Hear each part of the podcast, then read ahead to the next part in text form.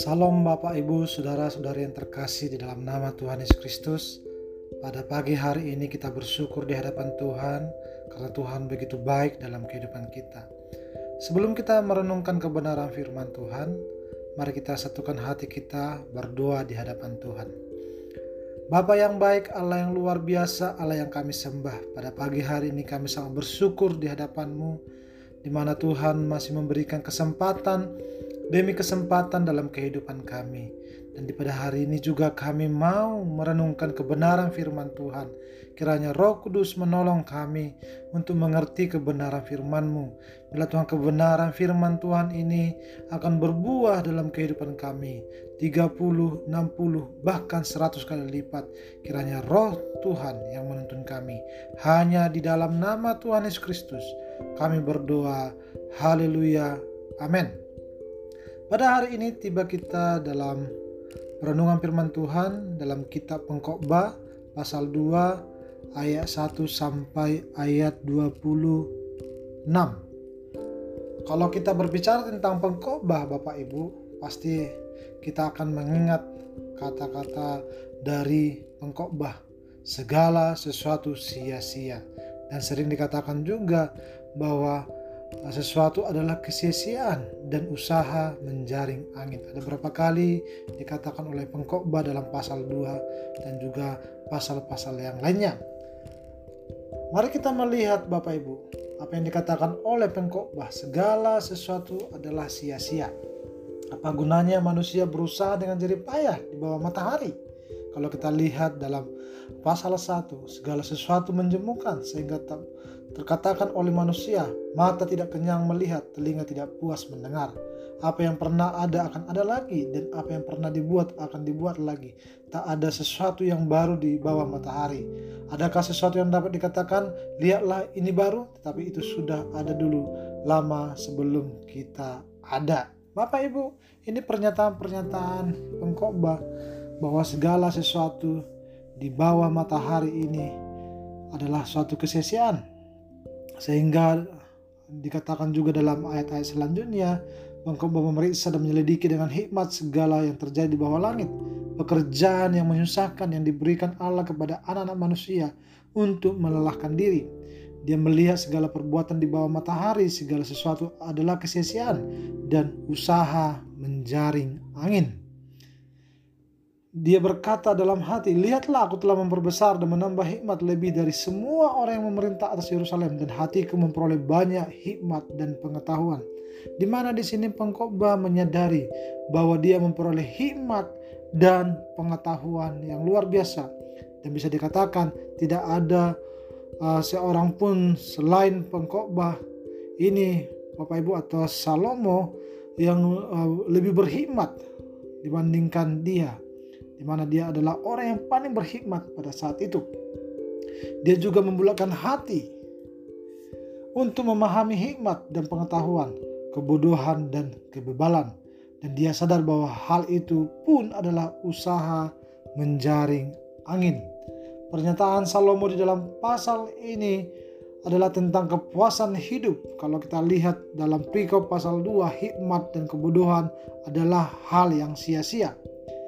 Dan kitab pengkhotbah ini juga membukakan semua cara menemukan makna dan tujuan hidup apabila terpisah dari Allah.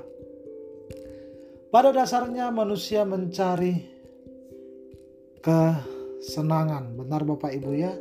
Banyak harta, punya rumah yang mewah, dan bahkan rumah yang banyak, dan bahkan apartemen, mobil, tabungan banyak, usaha semakin besar.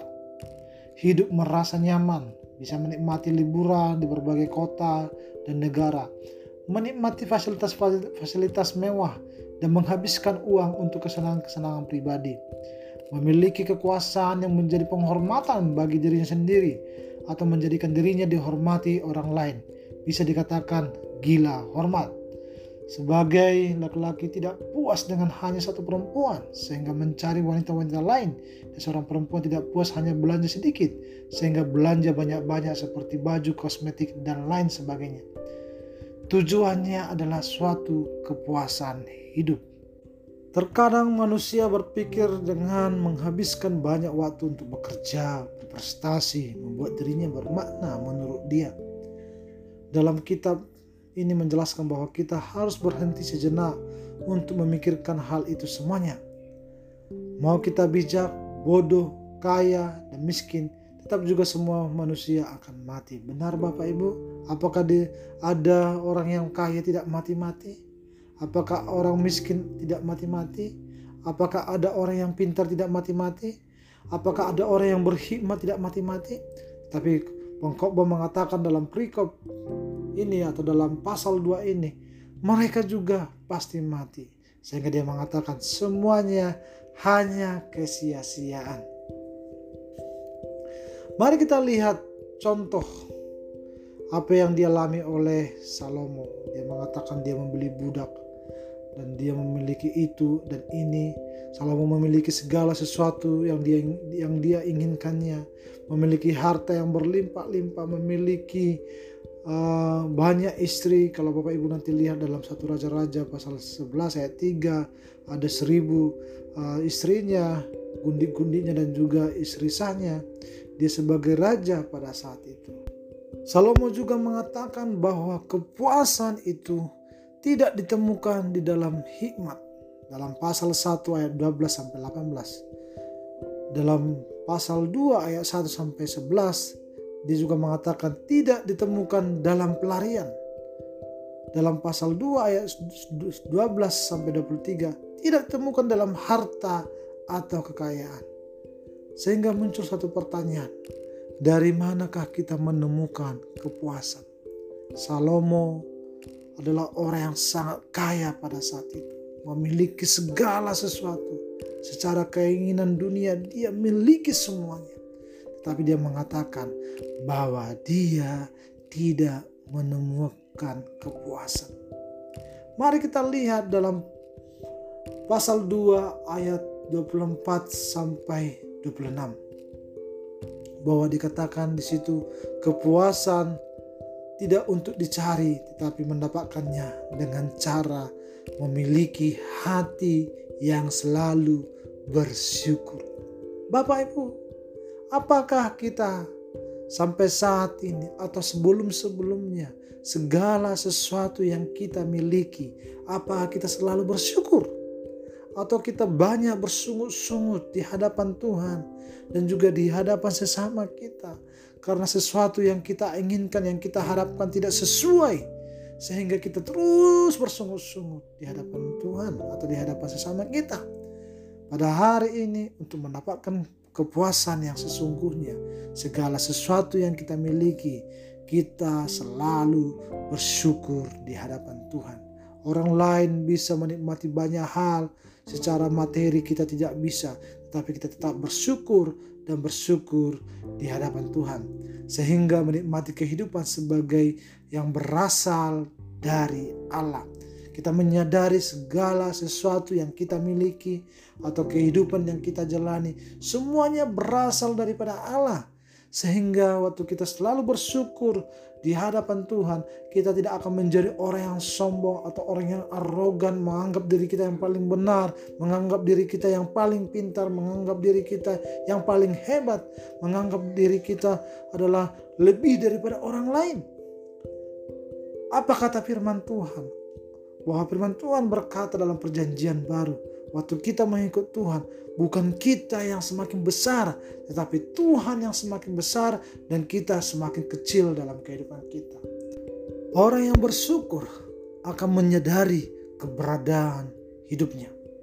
Oleh sebab itu, Bapak Ibu Saudara terkasih yang mendengarkan renungan ini, mari bersyukurlah di hadapan Tuhan. Jangan lihat kiri kanan, melihat orang-orang sukses secara materi. Kita melihat diri kita, oh saya ini belum jadi apa-apa. Jangan Bapak Ibu Saudara terkasih, tetapi kita menyadari apa yang kita miliki saat ini berasal daripada Tuhan. Yang kedua adalah menyadari segala sesuatu yang kita miliki berasal dari Tuhan. Hal ini membuat kita atau membuat kita pengkhotbah juga atau pengkhotbah selalu menyadari keberadaannya di bumi. Dia berkata bahwa tidak bisa merasakan kenikmatan atau kepuasan di luar Tuhan. Kita tidak akan merasa puas kalau kita di luar Tuhan, tapi kita akan merasakan puas kalau kita ada di dalam Tuhan. Oleh sebab itu, mari segala sesuatu yang kita miliki sadarlah bahwa itu berasal dari Tuhan Hal ini yang membuat kita mengetahui keberadaan kita di muka bumi ini. Sehingga kita juga terus, terus mau tinggal di dalam Tuhan. Sehingga kita tidak mau hidup di luar Tuhan. Perlu juga kita ketahui kekayaan, kedudukan, kecantikan, kegantengan, kehebatan yang ada dalam diri kita berasal dari Tuhan. Oleh sebab itu, mari kita bersyukur. Seperti apa rupa kita, apa yang kita miliki, selalu bersyukur dan menyadari bahwa hal itu berasal dari Tuhan. Sebab itu tidak perlu bermegah atas diri kita sendiri atau membangga-banggakan diri kita. Terlalu berlebihan menilai diri kita, membanding-bandingkan diri kita dengan orang lain. Kalau kita lihat dalam pasal 3 ayat 1 sampai 8, bahwa dikatakan di situ Allah sudah mengatur segala sesuatu. Kita sebagai anak-anaknya seharusnya datang kepada Tuhan. Kenapa? Karena Tuhan adalah Allah yang mengatur segala sesuatu. Dia adalah Allah yang berdaulat yang penuh kuasa. Setelah kita mendekatkan diri kepada Tuhan dan menemukannya di dalam diri kita, maka kita akan menyadari apa yang menjadi makna hidup kita. Kedekatan kita kepada Tuhan akan mengubah pola pikir kita mengenai tujuan hidup. Akhirnya kita menjalani hidup dengan cara yang benar, bukan dengan cara duniawi. Sebab itu pada hari ini saya perlu tekankan menjalani hidup haruslah dengan benar atau menjadi orang benar tidak harus menunggu menjadi tua atau setelah memiliki banyak pengalaman hidup atau uh, setelah kita jadi kaya. Hidup benar adalah kehidupan yang selalu berdasarkan kebenaran firman Tuhan. Contohnya menikmati harta dengan benar, menjalani hidupnya dalam segala aspek sesuai dengan kebenaran firman Tuhan, melakukan tanggung jawabnya sesuai dengan perintah Tuhan dan lain sebagainya dalam Tuhan Yesus Kristus dengan hati yang selalu bersyukur sekali saya katakan kepada kita menyadari keberadaan Tuhan atas hidup kita dan hidup benar Tuhan akan memberikan kepuasan yang sejati dalam kehidupan kita. Kepuasan dari Tuhan sangat bertolak belakang dengan kepuasan dunia. Di dalam Tuhan, walaupun kita tidak memiliki banyak harta, bisa mengalami kepuasan yang tidak terkatakan, yang tidak bisa dinilai oleh orang lain dan bahkan dunia ini tidak harus kaya dulu sehingga kita mengalami suatu kepuasan. Contohnya seperti Paulus, dia meninggalkan zona nyamannya demi Injil. Dia harus mengalami banyak penderitaan, mengalami kelaparan dan banyak hal membuat dia menderita.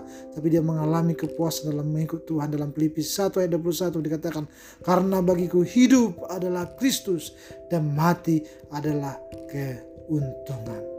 Kepuasan hidup tidak ditentukan kondisi atau situasi baik. Kadang kala dalam situasi atau kondisi buruk pun kita bisa mengalami kepuasan hidup. Contohnya menderita karena suatu kebenaran yang kita nyatakan. Kepuasan hidup akan terjadi atas hidup kita apabila kehidupan yang dijalani selalu bergantung hanya kepada Tuhan. Prioritasnya hanya Tuhan. Baik dalam keluarga, baik dalam pekerjaan, pekerjaan, baik dalam pelayanan, baik dalam usaha, dan baik rencana-rencana ke depannya. Mari kita terus bergantung kepada Tuhan. Oleh sebab itu Bapak Ibu saudara terkasih, mari segala sesuatu yang kita lakukan dalam kehidupan kita ini, mari kita menemukan kepuasan hanya di dalam Tuhan. Di luar Tuhan adalah suatu kesia-siaan. Kiranya kebenaran firman Tuhan ini akan memberkati kita semuanya. Kita semakin terus datang di hadapan Tuhan bersyukur dan mendekatkan diri kepada Tuhan, menyadari keberadaan kita, keberadaan kita di muka bumi ini. Mari kita berdoa.